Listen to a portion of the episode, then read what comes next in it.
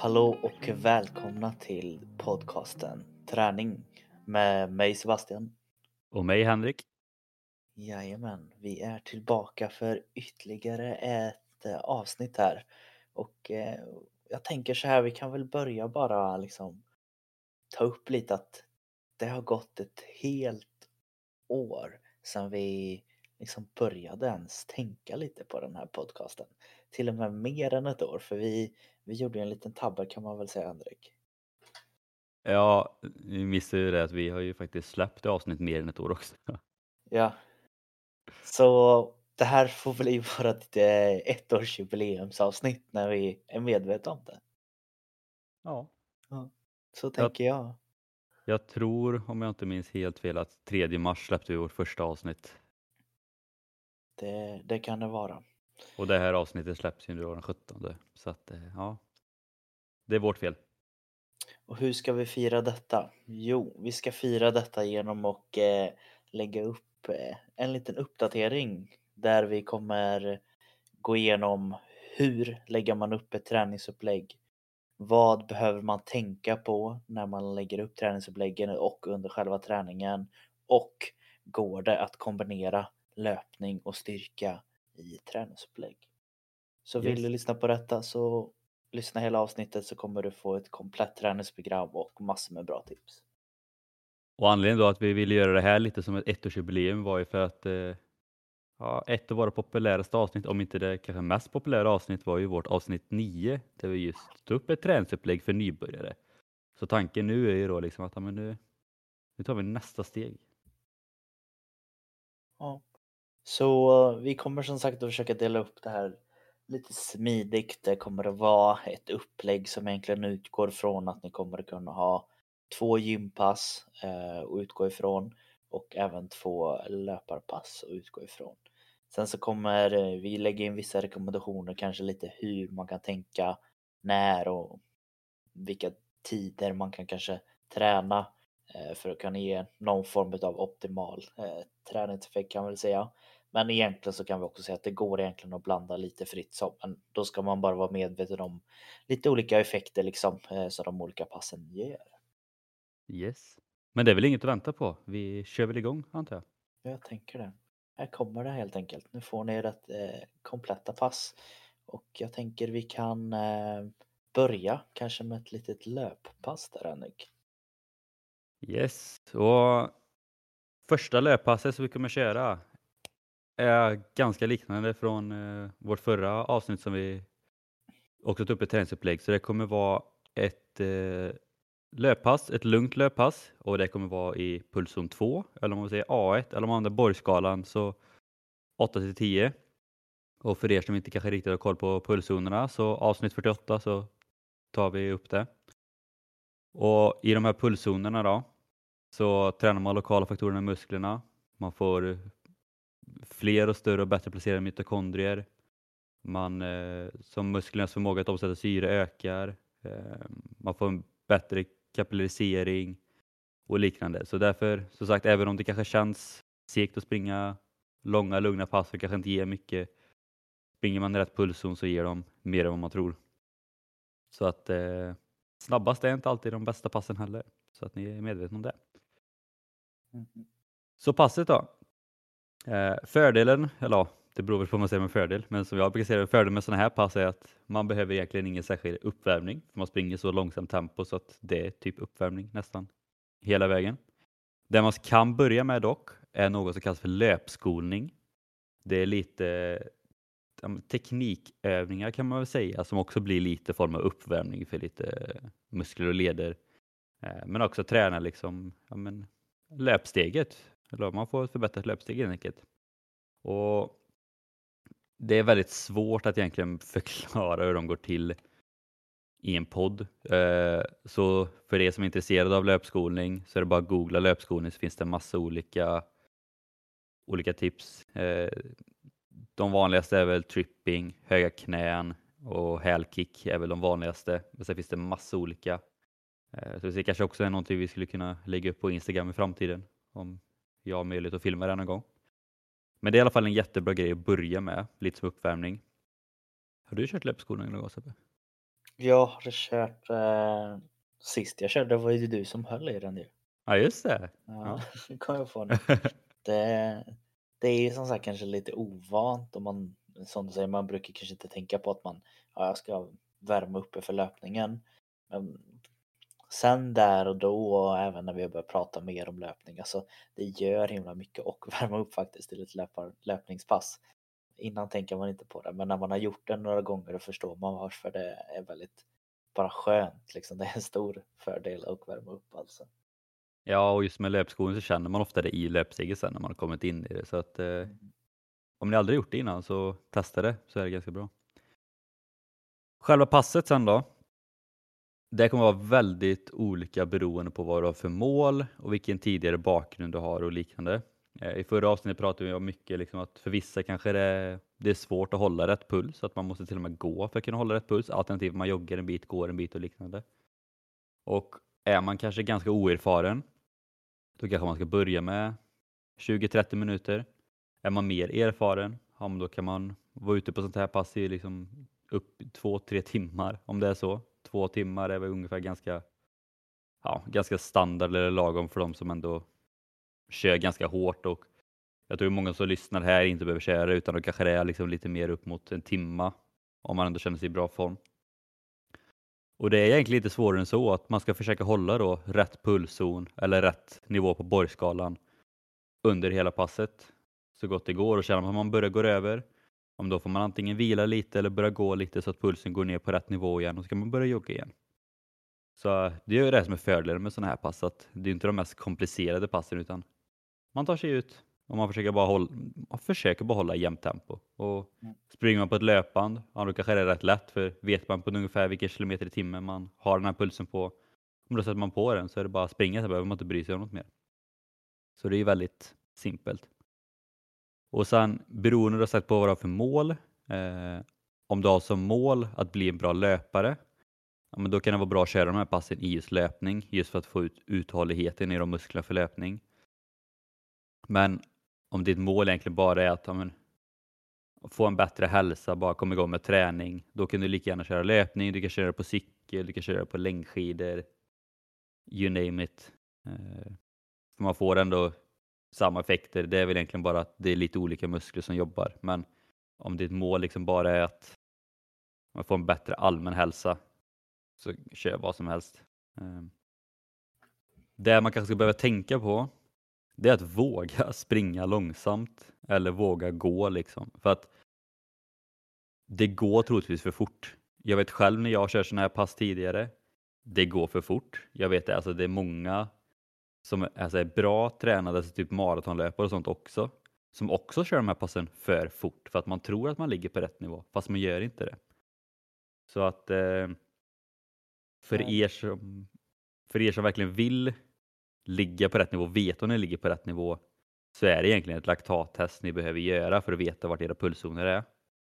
Annars utgå från borgskalan så gott det går och jag kan nog jag kan nog tänka mig att känner ni att ni ligger på en viss nivå så ligger ni troligtvis på en nivå för högt ändå, bara så här rent generellt.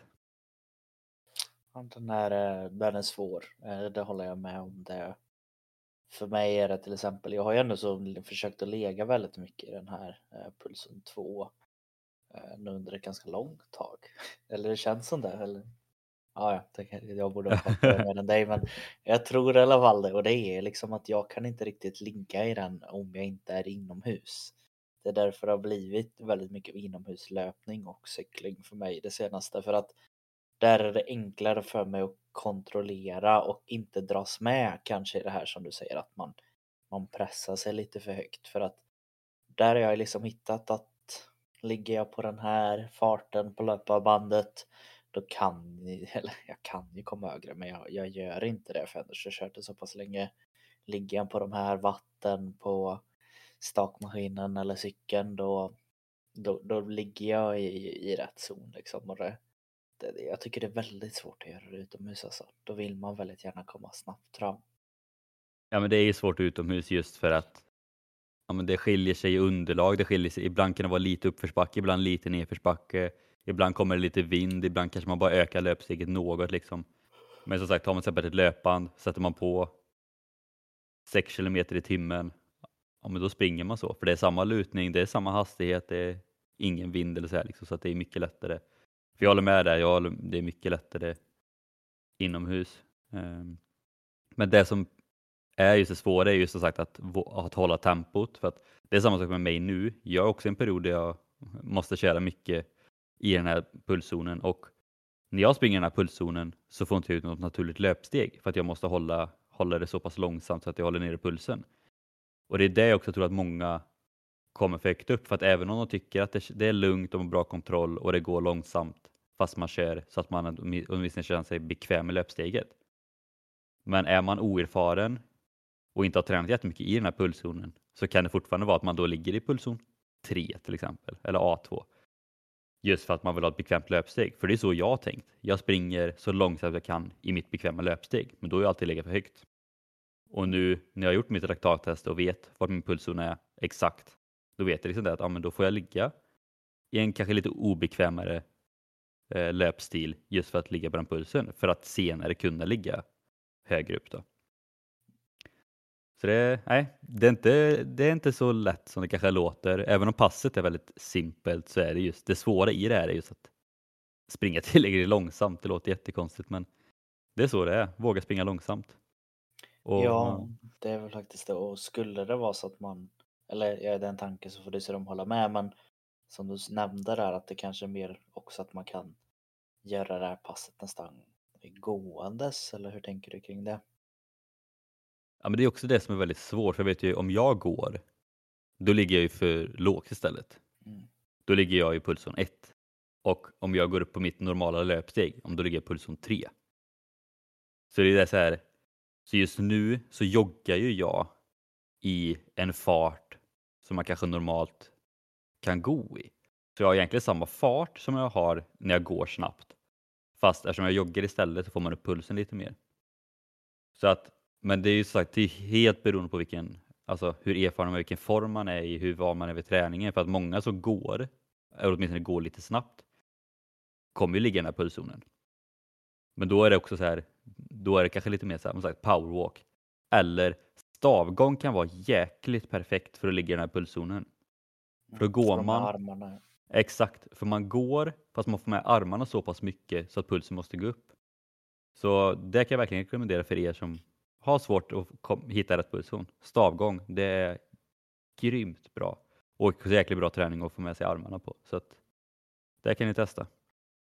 Och sen en sista grej bara att om det är fler där ute som mig som inte tycker det är så kul med de här löppassen utan bara tycker att ja, springa en timme eller en och en halv timme eller bara springa 30 minuter i långsamt tempo, det är inte jättekul. Då finns det lite olika tips. Alltså, antingen ta med en kompis, det blir mycket roligare då. Alternativt så finns det ju lite appar som vi pratade om i avsnitt 30 tror jag det var. När vi tog upp lite appar som kan hjälpa till med träningen. Eh, en favorit för mig är Hitta ut. Det är lite orienteringsaktigt. Man har, en, man har app på appen och så ser man vart det finns kontroller så springer man och letar efter lite olika stolpar. Det finns Sombrun tror jag den hette som du rekommenderar. Det är, liksom, det är typ en, men som en podd kan man säga, där liksom de mm. säger vart du ska springa. Att, eh, lite, lite så. Den kanske man får justera lite för att man ska inte springa för fort, men just det här med att nu säger någon att jag ska springa där, nu säger någon att jag ska springa åt det hållet. Liksom. Det blir lite, ja, men lite annorlunda. Så det är lite tips för att åtminstone variera löppasset kan man väl säga ändå. Ja, det är lite det man får göra. Eh, sen så kan det säkert också vara vissa som tycker det är bara skönt att kanske gå ut i naturen och koppla bort allt och bara göra de här liksom en timme lite längre passen och bara få rensa tankarna och då får du självklart göra det också. Ja, det är perfekta pass för att rensa skallen och tänka över saker och ting, det är mm. verkligen. Man kan göra det. Ja, bra. Men eh, vi hoppar väl vidare. Första gympasset kanske? Jajamän, och lite som eh, löparpasset här nu då så är vi inne lite mer på att det här är som en liten fortsättning liksom på vårt avsnitt 9 man har kunnat ta det lite som inspiration men självklart kan man hoppa på den här direkt och. Och nu är tanken att vi ska gå över till eh, lite mer fria vikter och sånt här och få lite tips på det. Så vi ska faktiskt köra det klassiska att vi delar upp det i överkropp och eh, underkropp då. Och sen så ska vi även försöka få med lite mage eller bål i bägge passen då det är alltid viktigt. Tänker jag kan dra igenom själva passet och sen ge lite tips utifrån där då helt enkelt. Och eh, du kommer att ha det lite lyxigt kan man tänka för det kommer inte vara så riktigt styrt med repetitioner och reps denna gången utan man kommer kunna få välja lite utifrån vad man känner utifrån. Så om man tänker set då, där alltså man kan tänka att det är som runder och där kan du köra 3 till 4 set. Repetitioner är hur många gånger du kör just en specifik övning och det kommer du kunna ligga allt ifrån det låter det ska vara jättestort, men det är från 8 till 12, 14 där ungefär. Och det man kan tänka då är att desto lägre repetitioner du kör, desto mer vikter ska man orka lägga på och då jobbar du med lite mer maxstyrka och sen så får du självklart ta av lite vikter och öka repetitionen och då blir det lite mer uthållighet. Tar vi det här benpasset nu då som sagt, då kommer det vara simpelt det kommer att vara baslyft som jag tycker är bland de bästa eh, som man ska hålla sig till. Eh, är det något jag bara skulle träna på gymmet och det är faktiskt det jag gör nu. Lite det här få in eh, Nils van der Poel-tänket. Vad är minimala för att jag ska klara av att springa så mycket? Då är det baslyft för mig. Och då är det första knäböj. När man har gjort knäböjen så kommer man gå vidare till marklyft när man har gått ifrån marklyft så kommer man göra något som heter rumänska squat. Man kan kalla det split squat. Eh, man får kalla det hur man vill där. Och sen efter det så kommer det avslutas eh, med lite rak mark. Fyra eh, övningar som är då tanken att man ska faktiskt panga på med lite mer vikter för att majoriteten utav oss är väldigt starka i benen. Så det är ganska kul att få lyfta. Och nu undrar man säkert, jag har aldrig hört om det här och det är lite samma som Henke där att det, det, kan bli väldigt mycket tjat och prat när man ska gå in hur man utför rörelserna. Men jag tänker att jag ska gå in lite på lite små tips som man kan äh, lägga till i alla de här lyften och försöka lätt förklara hur man gör det. Eh, någonting som man kan börja med att tänka det är någonting som heter båltryck. Har du hört ordet någon gång Henrik innan? Ja. Det är typ nästan det enda jag fått höra på praktiken. Båltryck, båltryck. Är det med tanke med styrkan då eller? Ja, exakt. Ja, har du hört det innan någon gång? Jo, men det har jag gjort. Alltså, när det kommer till bålen så är den, alltså nästan vad man än gör inom träning så är bålen typ det viktigaste. Mm. Har man inte ett bra båltryck så fallerar ju det mesta känns det som. Liksom. Det är verkligen olika där. Och eh, man tänker att det ska vara lite enkelt att bara gå igenom båltryck nu men jag vet att även här som med allt annat så är det att det finns otroligt olika syner på den. Så jag tänker jag ska ge två, eh, två lite hur man kan tänka kring det som är helt olika sen ska jag inte säga vilken jag använder så får ni välja själva kära lyssnare. Men man kan säga att båltryck går ut på ett sätt att man vill göra magen, bålen redo för ett tungt lyft eh, eller att man håller det här trycket medan man tränar för att bli stabil. Ett bolltryck som finns eh, som kanske mer härstammar ifrån skulle jag säga lite core, eh, lite yogaaktigt, lite därifrån liksom. Eh, det är att man, man kan tänka nästan att man tar naven och att man försöker att inte dra in men nästan dra in liksom naven och trycka den neråt, neråt mot bäckenen och sen försöka hålla den där på plats. Eh, desto mer man aktivt trycker, desto mer stabilare ska man bli och det är inte alltid det skönaste och man orkar inte alltid göra det här superlänge. Men det är en form av just båltryck. Eh, kommer även inte där gå in jättemycket på kanske just muskelmässigt men man kan säga att det blir som, ja, men som ett litet extra stöd.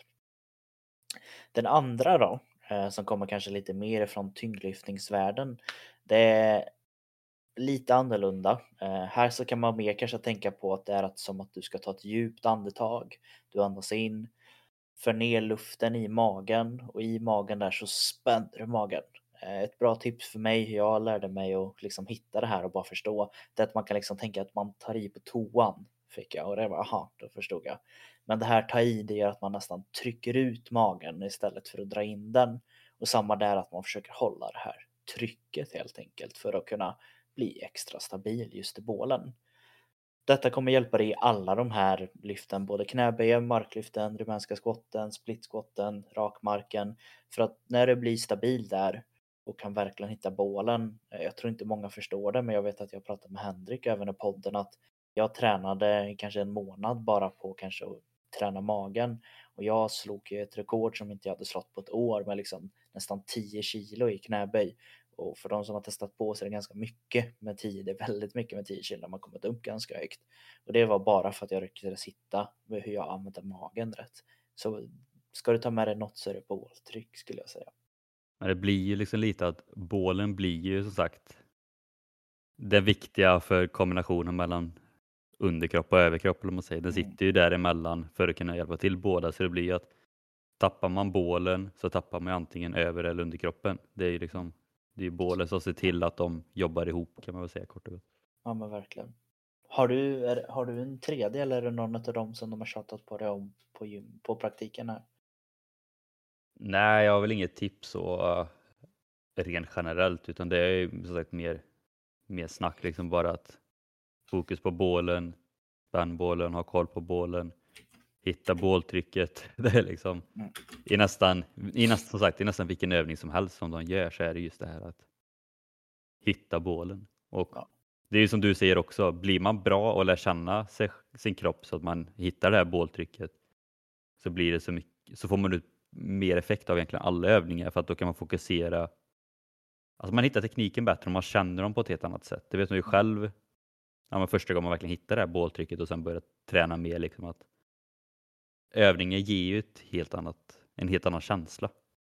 I- Ja men verkligen. Det är, det är som man har liksom bara använt 50% av sin kapacitet nästan känns det som. När man väl gör den här att man bara oj, är jag så här stark? Ja, men lite så. För många är väldigt starka i benen och majoriteten som känner kanske att de har suttit i en benpressmaskin känner att de kan trycka flera hundra kilo. Sen kommer man till en knäböj där man har stången på liksom axlarna där och då känner man oj jag kan knappt lyfta stången eller lite mer än det.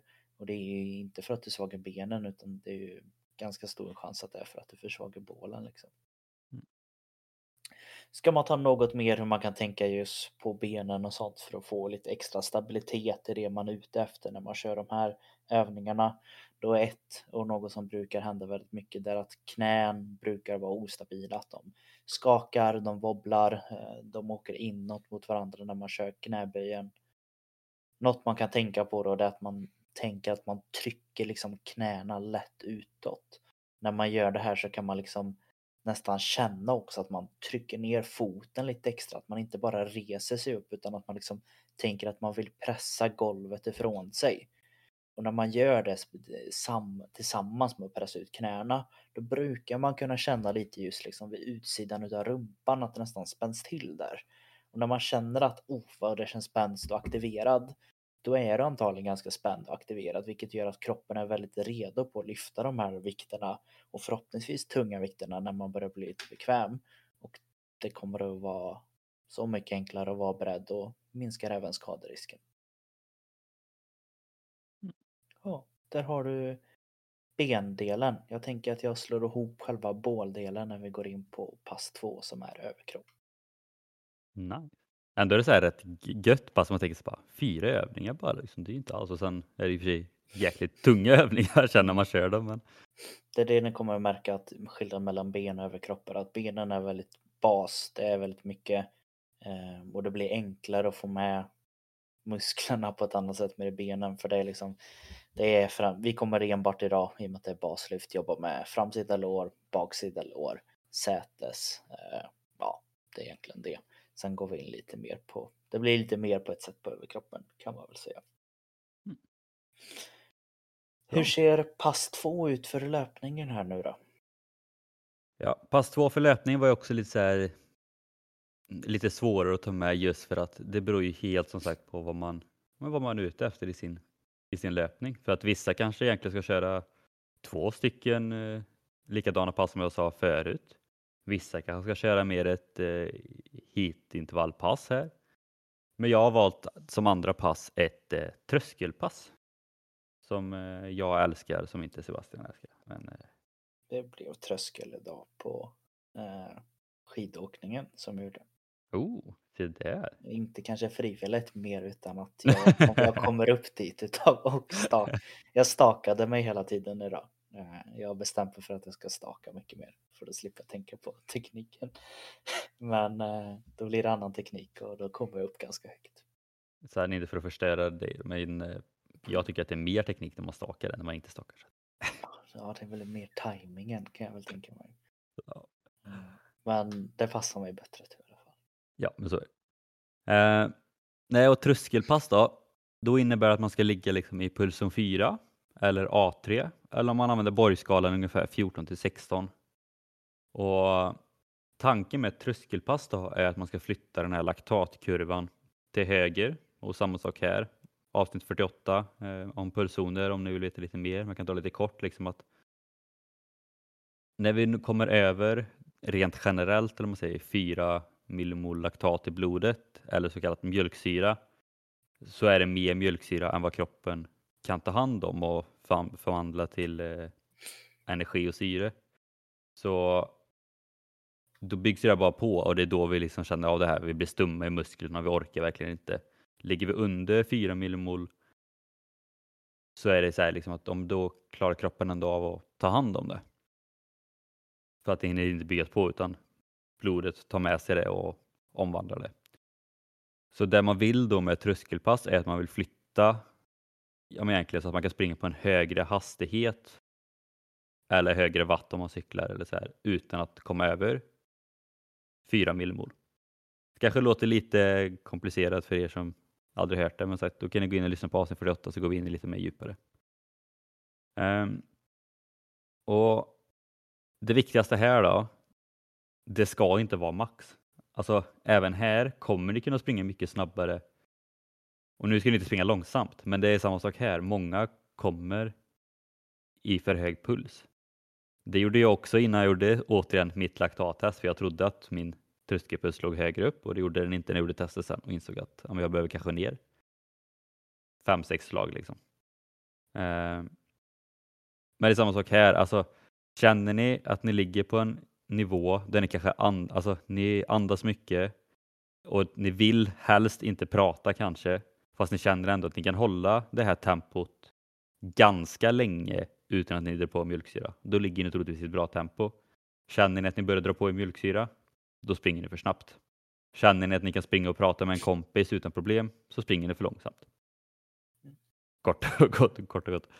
Um, och om vi går på passet då, så här blir det dock lite uppvärmning. Så jag brukar säga att värma upp ungefär 10 minuter. Det brukar alltid vara skönt just för att få igång kroppen, få igång hjärtat, liksom att kroppen är redo. Okay, nu, nu händer någonting, nu ska vi träna. Ni kan slänga in lite löpskolning här också om ni vill. Det är alltid bra.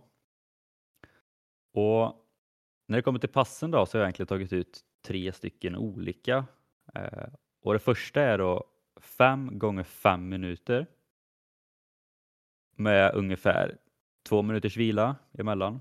Och då är det så simpelt att ni springer fem minuter i samma sak här, försök hålla ett jämnt tempo eh, men ändå inte dra på en mjölksyra. Sen vilar ni två minuter, så springer ni fem minuter till. Så vilar ni två, så håller ni på så. Och även här beror det på hur, ja, men hur, bra, hur erfaren ni är och så. För att har ni aldrig gjort det här innan kanske ni kan börja med tre gånger fem eller fem gånger tre. Liksom. Det går att variera lite. Eh, den andra passet, eller andra delen som man kan köra, 3 gånger 10 istället. Då kör vi färre, fast vi kör dem längre. Och det är också lite här lite vad man är vad man har lite för mål. Ehm, som sagt 3 gånger 10 då blir det lite mer att man försöker hålla tempot längre. Vissa kan det vara jättejobbigt för och vissa kan det vara enklare för. Sen finns det något som kallas för pyramidintervaller Eh, och då kan det vara att man börjar springa två minuter, så vilar man en minut, så springer man tre minuter, så vill man en och en halv minut, så springer man fyra minuter, så vilar man två minuter och så går man ner igen och springer tre minuter, vilar en och en halv, springer två minuter. Så det är tre ganska olika pass som ändå kan ha samma syfte. Och Tycker man att det börjar bli tråkigt efter ett tag med de här, då kan man variera upp det att köra istället för 5 gånger 5 minuter då kan man köra 5 gånger 1000 meter eller 5 gånger 800 meter. egentligen exakt samma pass. Bara att istället för minuter kör man liksom ja, men meter. För typ så för mig, om jag springer 1000 meter på fem minuter, så för mig är det egentligen exakt samma pass. Fast det känns olika att springa, kolla på klockan och nu har jag sprungit fem minuter kontra, ja men nu har jag 200 meter kvar. Det blir också lite psykiskt typ att tänka. Och det är samma sak på 3 gånger 10 ja då kanske du springer 3 gånger 2 kilometer istället. Så det går liksom att liksom variera det ganska lätt och sen, sen har jag även skrivit med en punkt här liksom att kom på egna intervaller utifrån just ditt mål. Eh, om det är någon tävling du ska köra eller liknande där du vet att ja, men då kanske man springer så här långt eller typ som jag som kör mycket eh, OCR där jag vet att det är liksom ändå man springer, sen så är det styrka eller något hinder, sen springer man lite mer. Och då kanske det är mer för mig att ha fler intervaller, alltså till exempel 5x5 kontra istället 3x10. Just så. Så det viktigaste här är ju egentligen som är första passet att ligger man i rätt pulszon bara så får man ju ut effekten. Sen finns det ju tusen olika sätt att köra på. Men just de tre tycker jag väl jag är ganska standard och ja, ändå helt okej. De går ju sagt att variera med om man vill köra fler eller färre intervaller och sen om man vill köra tiden. Så. Eh, och här ska man helst köra där man tränar. Så är du löpare, kör löpning. Är du cyklist, kör cykel. Är du längdskidåkare, kör längdskidåkning. Och ska man komma med lite teknik här. På första passet så är det inte jättemycket teknik egentligen. Men här så får man ju ett lite annat löpsteg och liknande. Så jag har skrivit med tre saker som jag anser kanske är de viktigaste. Så den första är foten under kroppen. Det kanske är kanske inget man tänker på jättemycket, men vissa liksom sätter foten framför kroppen när man springer, vilket innebär att man egentligen bromsar farten och det blir mycket jobbigare. Så att liksom, för vissa kan det vara att förkorta löpsteget lite för att just få foten under kroppen för att få med liksom momentum hela tiden och sen trycka ifrån framåt sen. Så att eh, det kan ni kolla lite under uppvärmningen, eh, bara lite kort om hur ni springer. Alternativt är ni på ett gym och springer på ett löpband. Då kan ni filma er själva bara för att se. För det kan vara väldigt intressant ibland. Teknik 2 och med armarna. Många glömmer bort armarna när man springer, men det, alltså man får upp mycket mer fart och tempo och det blir mycket lättare med allting med armarna. De är en del av löpningen, även fast många kanske inte tror det. Och Det är också därför som sagt att eh, stavgången är ganska bra, just för att man får med armarna naturligt. Så tänk på det också, glöm inte bort armarna. Det fick jag mycket själv för när jag gick i friidrott, att jag sprang inte med armarna. Och det tyckte jag att jag gjorde, men det gjorde jag inte tydligen. Så få med armarna ordentligt. Och sen den tredje och sista punkten. Fall inte ihop. Det är väldigt vanligt. Vissa har en sån liksom kroppsställning redan när de börjar springa, att man är lite ihopsjunken, man får den här lite mobilnacken och axlarna framåt och allt sånt där och ryggen lite kutad. Sträck på er liksom, bak med axlarna, få med armarna. Samma sak när vi blir trötta. Fortsätt bara försöka hålla hållningen. För även om vi, om vi blir trötta, om vi lyckas hålla hållningen så kommer det fortfarande gå att köra liksom hela vägen. Det är när vi tappar hållningen som det blir jobbigt att springa. Mm. Så foten under kroppen, få med armarna, håll hållningen. Perfekt. Känner du, är det någonting eh, som man kan vara lite extra med på när man kanske inte riktigt har tränat på det här sättet tidigare utan liksom man, man kanske har kört det här eh, pass ett eller kanske någon variant utav bara jag har en runda och springer och nu så ska man ändå så lite mer pressa sig liksom på ett annat sätt. Har du någon tips som man kan liksom, det här kommer nog antagligen hända och det får du vara beredd på. Det som kommer hända för väldigt många är ju återigen att man kommer springa för fort. Mm. Och sagt, är man inte van vid det här, man kommer springa fort för man kommer tänka liksom så här att ja, men, intervaller, då ska man ju springa typ så fort man kan. Men det ska man som sagt inte utan det ska fortfarande vara hyf, alltså det, ska, det är inte bekvämt fast det ska ändå vara lite bekvämt om man säger. Så att det är just det, så är man inte van vid det här så kommer man troligtvis köra de första passen för fort. Och har man aldrig gjort det här innan, om man springer för fort så kommer man dra på sig mjölksyra. Det kommer bli tungt att andas och det, då är det väldigt obehagligt om man aldrig har gjort det innan. Så då skulle jag i så fall säga att då är det liksom bättre i så fall att börja för långsamt och sen trappa upp sakta men säkert för att hitta rätt nivå. Sen finns det som sagt de passen där det är bra att springa snabbare än det är, med det är pulsen 5, A3 plus och liknande, för man får med andra effekter där. Men för just det här passet så ska man inte springa för fort. Så det, det är just den här biten att känner ni att ni får stumma ben, att ni liksom får svårt att andas, att det blir det här salivet blir det här tjocka som det kan bli ibland. Dra ner på tempot lite för att verkligen hitta rätt nivå. Det, och liksom det, det här är klassiska att man vill springa så fort som möjligt hela tiden och det förstår jag också.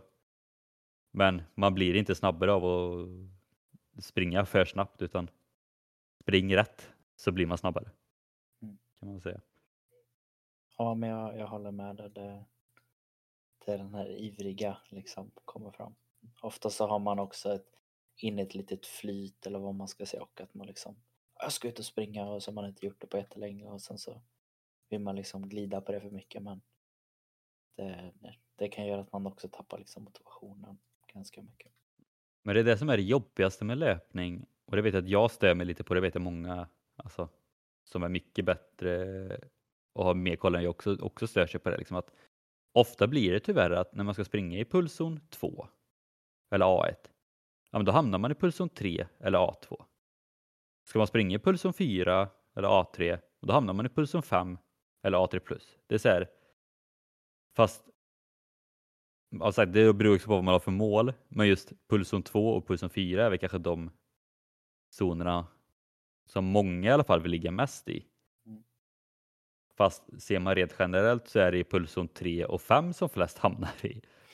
Så det är liksom det som är lite störande liksom att det är svårt. Det är svårast att ligga i de pulszonerna som man vill ligga i. Det är det som är mest störande liksom. Mm. Så att, men det är samma sak där. Det är bara träning, träning, träning för att liksom hitta vart som är rätt. Lära känna sin kropp.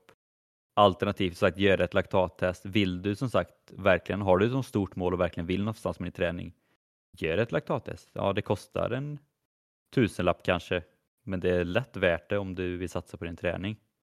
Alternativt, lär verkligen känna din kropp och använd borgskalan. För att till slut så kommer borgskalan funka svinbra för att veta vart du ligger. Det är som Nils van der Poel sa att känner man bara sin kropp så kommer man jäkligt långt. Mm. Det, det är det verkligen. Och det man kan, kanske är extra på det här att det kommer inte riktigt bli när man kanske har hört det här och är jättesugen på att testa det och första passet kommer kanske inte vara det som man har byggt upp i huvudet men efter ett tag då kommer det vara så som du tänker.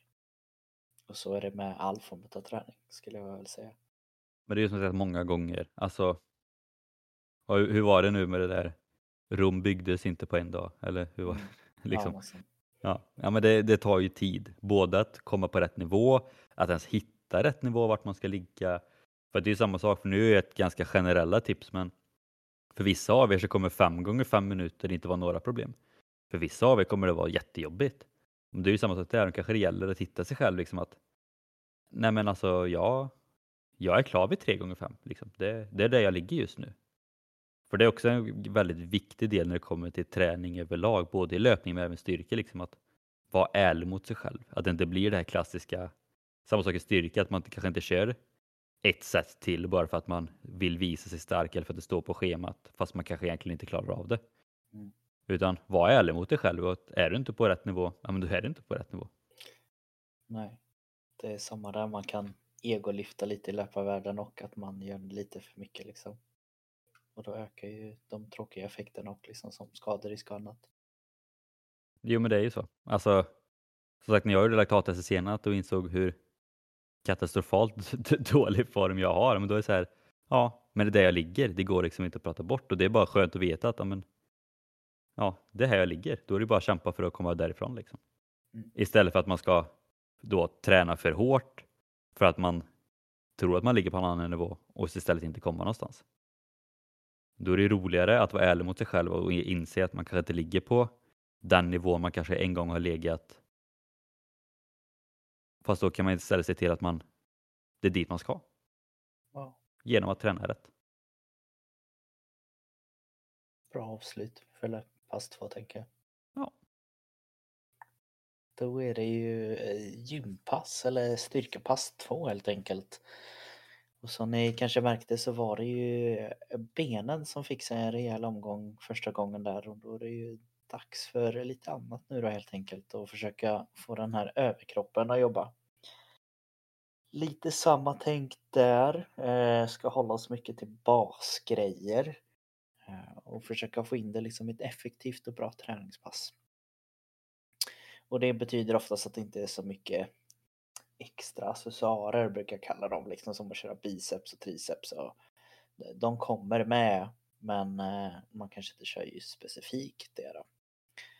Så eh, samma tänk här då, då med någonstans 3 till 4 set mellan 8 till ända upp till 14 repetitioner och du varierar vikten och målen utifrån vad du vill ha. Den första är något som heter latsdrag. Sen efter det så kommer du köra en enarmsrodd med hantel. Du kommer sedan köra en till rodd fast denna gången en stående stångrodd. Sen efter det så kommer du lägga dig ner och köra lite bänkpress. Eh, även köra där lite liggande flies. Och du kommer att avsluta lite med militärpress och sidolyft. Klassisk, klassiska övningar eh, som har varit med länge, funkat för de allra flesta och det finns en anledning till varför. Det är för att de är så pass stabila och de kommer att ge dig bra resultat väldigt långt fram. Eh, känner du igen några förresten Henke? Det hoppas jag. Ja men det gör jag. Ja, det är inget ja. nytt liksom. Nej. Nej, jag har ändå kommit in lite i styr styrkevärlden nu de senaste åren så att jag har faktiskt lärt mig dem också. Perfekt. Vi börjar med den första där som heter latsdragen och det är till för ryggen kan man säga, övre delen utanför ryggen. Här så går det ut på att du ska dra en stång egentligen från att ha utsträckta armar ovanför huvudet och sen greppa tag i stången, dra ner stången nedanför hakan och sen sedan köra lugnt tillbaka även uppåt. Ska man ge något litet tips här nu då, då kan det vara för väldigt många att de oftast inte känner någonting i ryggen utan de blir väldigt trötta i armar. Och det beror helt enkelt på att du drar enbart med armarna och inte ryggen. Och då tänker man hur ska jag då kunna jobba med lite rygg här? Det finns lite olika tips. Jag ska ge er två styckna eh, som har passat för flera av mina kunder och även mig själv. Första tipset kan vara att när du håller själva stången så kan man tänka att man ska liksom bryta den på mitten. Man ska försöka dra nästan stångens yttre delar mot varandra och på det sättet bryta den. Eh, nu går det inte att bryta som sagt om du inte är jättestark. Då är det väl bara att hatten av och applådera om du skulle göra det. Men eh, det som händer då är att du aktiverar lite. Man kan säga att du drar till skulderbladen på ett speciellt sätt, vilket gör att även där liksom förspänner ryggen lite och då ska det kännas lite nästan under skulderbladen. Man kan säga att det är som vingarna brukar man kalla dem ibland. Andra saken som man kan tänka lite på det är att istället för att bryta den så kan man tänka att man ska försöka dra isär stången. Händerna är kvar fortfarande på en och samma plats men man drar isär dem vilket även där ska aktivera musklerna lite mer. Eh, ett bra tips är som sagt att känna att det spänner till någonstans under skulderbladen eller lätt eh, kring skulderbladen. Eh, även här försök inte ta på för mycket vikt för då kommer du väldigt gärna vilja jobba med armarna. Så sitt still, se till att göra en stabil rörelse där du inte svingar fram och tillbaka. Det är som sagt egolyft, det kan vara bra ibland men här är vi ute efter resultat enarmsrodden så går vi på ytterligare och fortsätter lite med ryggen och latsen men vi får även med lite skulderbladsgrejer här. Här så kan man säga att du liksom lutar dig nästan mot en liten bänk och du ska försöka dra upp vikten mot ja, kroppen. Ett tips här för även här inte aktivera allt för mycket armar för vi vill ju träna rygg när vi tränar rygg liksom det är att försöka föra vikten i nästan liten sned rörelse så att den börjar liksom lite lätt framför dig och sen dras lite lugnt bak mot höften. Eh, den här vinkeln gör det då enklare för en att liksom få lite kontakt. Stångrodden, då står du med en eh, stång helt enkelt och ska ro så som det låter. Sök upp dem om man inte riktigt hänger med men man ska dra den även där mot höften. Något man kan tänka med egentligen alla former av dragrörelser eller roddrörelser. Det är att istället för att tänka att du ska flytta vikten till en speciell punkt så tänker du att min, om du ska ro med högerarmen nu då på enarmsrodden, Då ska du tänka min högerarmbåge ska dras bakåt, min högerarmbåge ska dras framåt. Och det gör även där att det blir enklare för att aktivera ryggen. Eh, tre övningar för rygg. Eh, du får med det mesta där egentligen eh, kring övriga muskulaturen för ryggen. Eh, och även väldigt mycket armar. Du kommer inte gå miste om de gainsen om det är det du är ute efter. Från att gå från lite rygg då så ska vi självklart få med lite motsatsen och få med lite bröst. Vi har med mer ryggövningar på grund av samhället vi lever i och vi är väldigt framåtlutade och oftast väldigt tajta i våra bröstmuskulaturer. Vilket gör att jag brukar ha lite som regel, vill du köra en bröstövning då kör du kanske en, två eh, ryggövningar för att jämna upp det. Hellre två än för lite. Eh, bänkpress, ja, den är, kan för vissa upplevas lite läskig och det kan ibland vara för att man tycker att man inte är riktigt stabil. Men då ska jag ge dig vad som behövs för att känna dig stabil. 1. Se till att dina fötter är nere i marken. Något som många gör, att de går upp på tå och håller på och rör sig och då är det inte konstigt. Är det inte fötterna som är de enda som är i marken stabila, då kommer inte du heller vara stabil. Nästa sak handlar fortfarande om stabilitet, att det är rumpan. Den här rumpan kan man se för väldigt många på gymmet börjar åka upp och ner och inte ligga still. Eh, men ha i rumpan för det kommer även där att göra att du blir ytterligare stabil. Sista punkten som du behöver ha i dig är självklart skulderbladen. Man kan nästan känna att man nästan drar bak dem och försöker klämma till dem lite och sen lägger man dem på plats där på eh, bänken. Gör man detta väldigt, väldigt, väldigt hårt tänkte jag säga, men det blir att man nästan böjer ihop sig som man kan se om man har sett någon bänkpressa någon gång. De ser ut som de ska bryta sin rygg. Då är det inte så skönt, men stabil kommer det bli och det kommer att lyfta otroligt mycket mer vikter. Försök även att göra en full rörelse när du ändå så gör med bänkpressen. Tänk att den ska ner, toucha bröstkorgen och sen successivt och lugnt pressas uppåt. Efter detta så vill vi få med en till bröstövning men som sagt då vi ändå så är lite tajt i bröstet så ska vi försöka få, få en liten töjning nästan. Man, en liten flies, man kan tänka att det är som om man ska göra en stor kram och sen stänga kramen igen.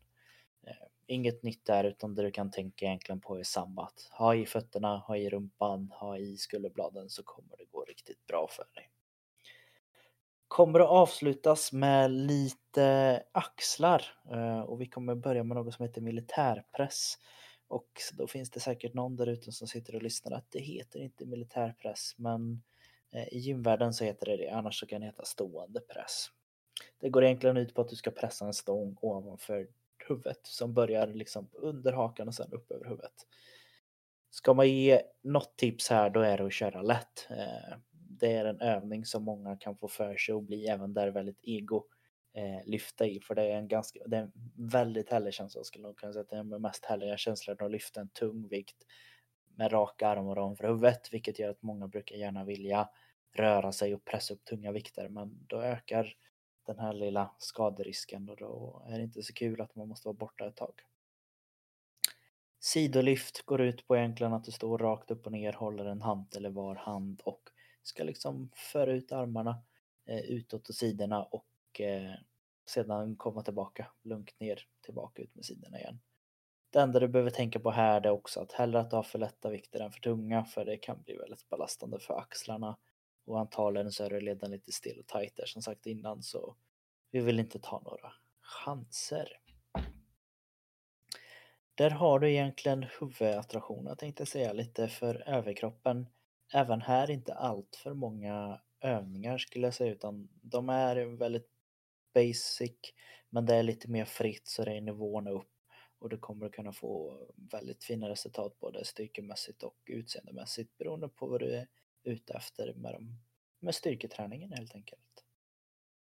Det som är bra här också är liksom att om man själv känner att om jag vill fokusera mer på jag fokuserar mycket på det här så liksom för du har ju fått med, som sagt, typ varenda muskelgrupp i hela kroppen nästan. Eller så, här, så att det går ju verkligen också att om man ändå har lite kunskap så kan man ju plocka ut lite egna övningar och göra ett eget pass utifrån ditt pass. Så man kan ju typ bryta ner passen för att bygga egna pass liksom. Och det är det Ja. som är rätt bra. Det är det. Det enda som saknas eh, det är ju lite bålen och bålen så kommer du få tre övningar med dig nu som du ska kan egentligen lägga till på både gympass 1 och gympass 2. Då. Första är fällkniv.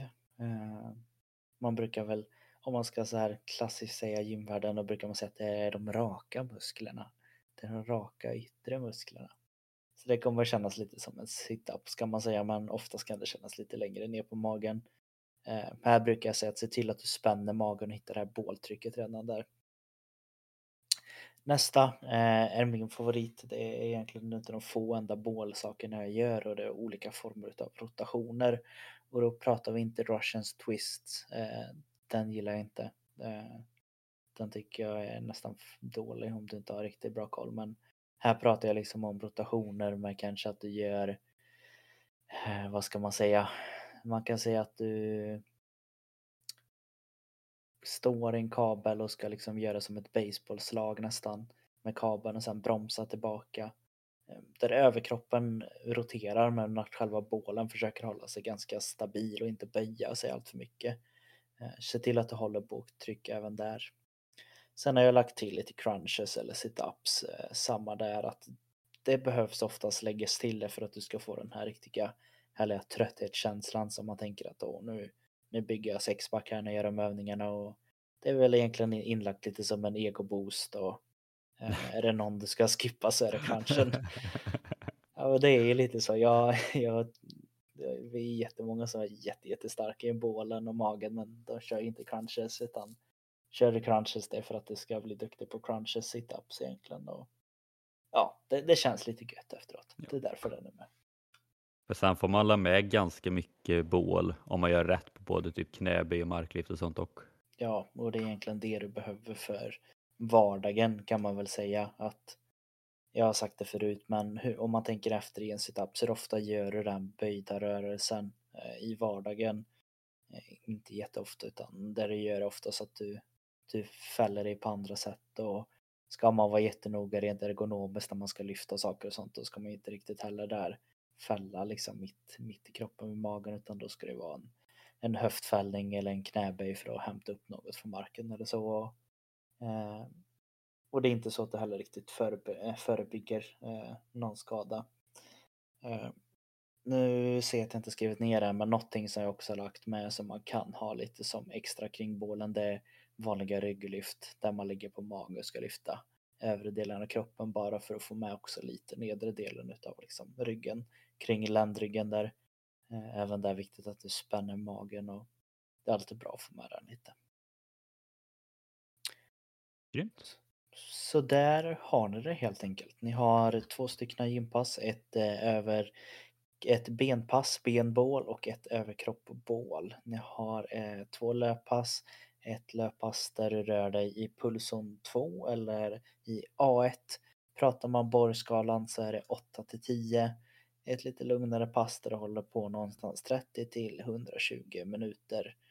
Och pass 2 som rör sig lite mer i pulszon 4 i A3.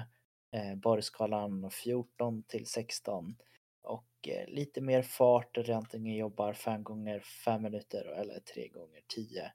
Eh, tips på extra är pyramidintervaller eller tänka i meter istället. Och nu har de ändå så fått med sig rätt så mycket och nu tänker de oj, ska jag göra allt det här på en och samma dag? Men Ja. det, är, det är svaret ja, du ska köra på en och samma dag. Effektiv träning. Om vi tänker eh, lite, hur skulle vi kunna tänka oss att lägga upp det här upplägget för någon som ändå har tränat lite tag nu och vill både förbättra sig i löpning och styrka. Hur skulle den kunna lägga upp de här fyra passen på en vecka? Det är ju mycket, det är alltså, mycket handlar ju om hur man har resten av livet eller vad man säger. Eh, men skulle man bara dra det rent generellt så skulle man kunna köra till exempel ben och bål på en måndag. Man skulle kunna köra pulszon 2, det lugna passet då, på en onsdag. Så skulle man kunna köra överkroppspasset på torsdag och så typ tröskelpasset på en lördag till exempel. Men det går ju att justera väldigt mycket. Alltså tar man till exempel det lugna löppasset. Där kan du i stort sett köra Alltså när som helst. Det kan du köra dagen innan tröskel, du kan köra dagen efter tröskel. Eh, det enda är väl det man ska tänka mest på när man ska lägga upp sitt egna pass när det kommer till just de här fyra passen är väl att man kanske inte ska lägga tröskelpasset och benpasset två dagar efter varandra. Liksom. Eh, Nej. så det är väl egentligen de två passen som stör varandra mest skulle jag väl säga. Ja, jag skulle vara beredd att hålla med där. Det är att du kan känna dig lite sliten eh, i ben och bål eh, från eh, bägge passen och bara allmänt trött och då kanske det inte riktigt är optimalt att gå, och, gå till gymmet eller gå ut i löparspåret och pressa sig. Eh, för det, du kommer inte riktigt kunna ge ut samma och det kan både ge eh, lite fel värden på att du är extra trött liksom på själva passet. Men även att tekniken kan fallera ganska bra på styrkedelen där. Och... Så det är egentligen det enda skulle jag också säga att det är det du får tänka på och sen självklart även kunna ta hänsyn till efter livet. Eh, vi brukar säga, jag, jag är väldigt mycket för det här att ja, jag, jag har varit nere men jag körde ändå liksom att det, det är bra ibland men det, livet är också väldigt viktigt. Man ska inte man ska inte alltid bara, ja, jag måste pressa mig och köra och sen så fallerar hela ens sociala liv och allt på grund av att du lägger upp utan behövs det att du kanske skippar eh, benpasset för att bara köra eh, pulszon 2-passet och löparpasset kanske. Det är det du känner du hinner med. Ja, då får du väl skippa de andra passen liksom. Det, det är inte hela världen men Ja. Alltså din, din träning kommer inte fallera för att du hoppar över ett eller två pass lite då och då. Nej. Framförallt inte om du bara tränar liksom för att, för att det är kul eller för att du, du vill liksom må bra av det. Liksom. det vi har tagit upp det i tidigare avsnitt också för väldigt länge sedan att formen sitter ändå i längre än vad man tror. Mm. Och jag menar, skulle du bara köra två pass en vecka istället för fyra, då är det fortfarande två pass du kör. Det är fortfarande två dagar du kommer ut och tränar, vilket kanske är två mer än vad du gjort tidigare. Mm. Så det är också en viktig del liksom att, så att nu är det fyra pass vi har lagt upp här.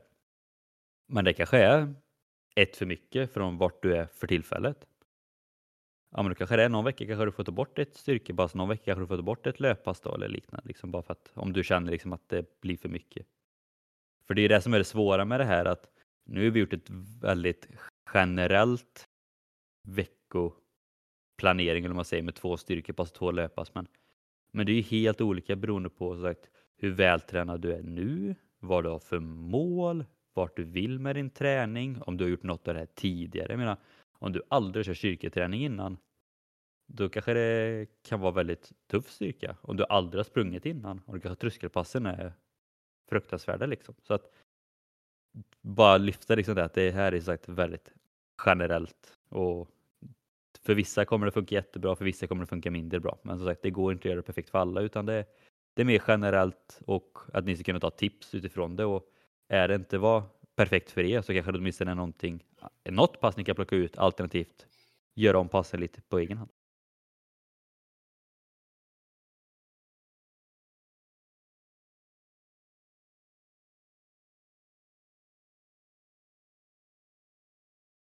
Ja, att, eh, att vi är väldigt tacksamma för er som lyssnar. Eh, kan passas på att lägga ett extra tack för er som inte sitter på Instagram. Att vi har kommit upp eh, bland topp 10 på både Spotifys rekommenderade podcast under kategorin träning och även på Spotifys podcast, eh, ja, podcastavsnitt under kategorin träning. Eh, det är. Det är, vi, det, är, det är vi väldigt tacksamma för att vi ligger topp 10 där och vi var inne och kollade lite och vi såg att vi låg lite över i alla fall vissa, lite idoler och sånt. Eh, I alla fall för mig. Så det var himla kul och det tackar vi just er som lyssnar för. Eh, utan er hade det aldrig kunnat ske helt enkelt. Eh, så är det någon som du känner nu som liksom vill ha topp 10 kvalitet på, på era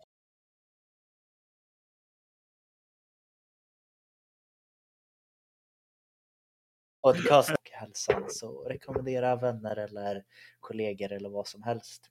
Och det kan även vara bra att nämna som sagt att håll utkiken eller ögonen öppna, ögonen och öronen öppna för nu har det som sagt gått ett år. Eh, jag och Henke har eh, äntligen får man väl säga kunnat flytta till samma stad där vi är nu, vilket kommer göra att vi kommer ha möjlighet att göra mycket roliga saker framöver. Och det är det som är tanken, att vi har planerat inför nästkommande år helt enkelt. Ja, vi har ju ganska stora planer för år två, eller hur man säger. Så att eh, håll utkik på dels podden här, men även på Instagram, Traning Podcast. Just för att ja, det kommer hända mycket kul under året. Jajamän. Så det lät som en väldigt fin och bra avslutning där. Så det är väl egentligen som vanligt att eh, vi önskar er alla som lyssnade en fortsatt bra och trevlig dag. Eh, ni får ha det så bra helt enkelt. Det gör vi. Ha det gött.